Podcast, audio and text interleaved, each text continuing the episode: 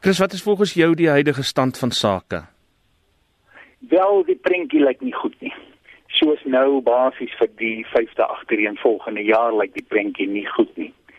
As ons kyk na die die misdade wat ek noem die meer polisieerbare misdade. Dit is nou misdade waar die polisie werklik 'n verskil kan maak met voorkoming met uh oh, jy weet uh uh uh, uh goeie uh detective work en met uh met intelligensie dan praat ons nou van byvoorbeeld uh, uh, uh, uh, vir uh, roofverswarend.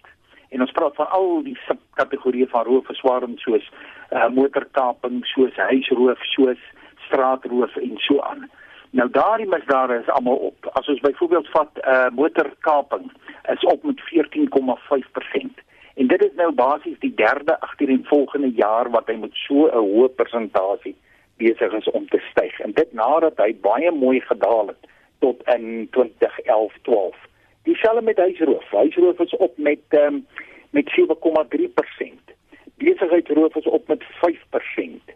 En dan straatroof uh, wat wat heeltemal vanoggend in die uh, vrystelling basies oor die hoof gesien is en as ek kyk na die tabelle uh na die tabelle wat wat reeds op die op die uh, polisie webtuiste uh, verskyn het dan is byvoorbeeld straat publieke roof glad nie daar nie vir vir seker nou die derde agtereen volgende jaar maar dit het toegeneem met 5%.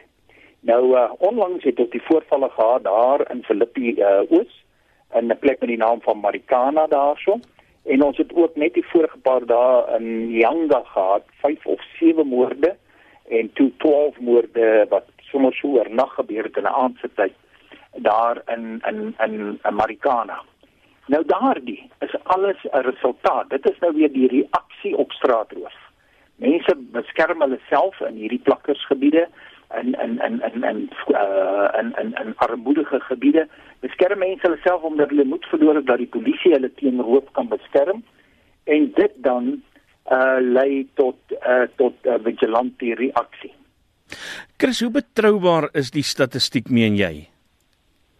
Wel, ek het ek het persoonlik 18 jaar lank met hierdie statistiek gewerk en ek moet eerlikwaar sê ek dink nie 'n mens kan sê dit is 100% uh, betroubaar nie, maar ek sou sê binne 'n 5% marge is dit betroubaar.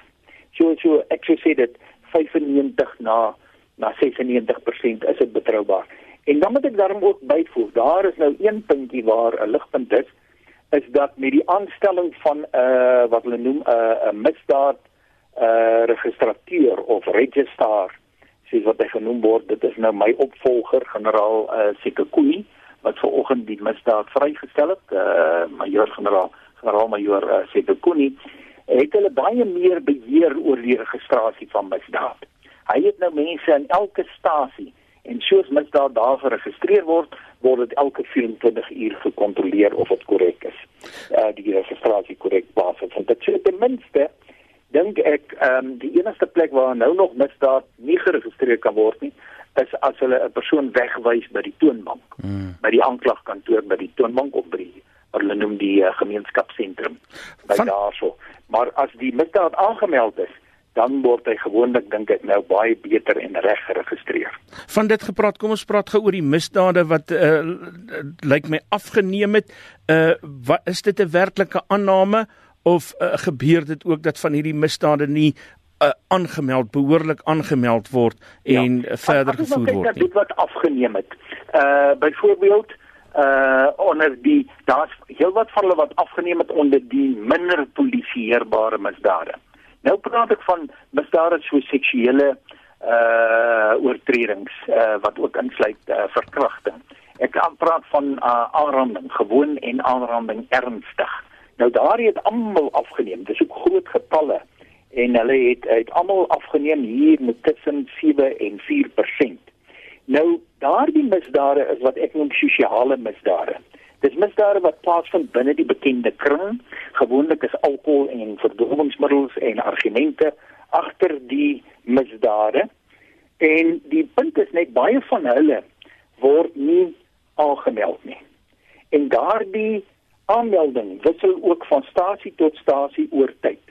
Sê nou maar 'n dame is nou aangestel as die stasiekommissaris van 'n spesifieke stasie, stasie A.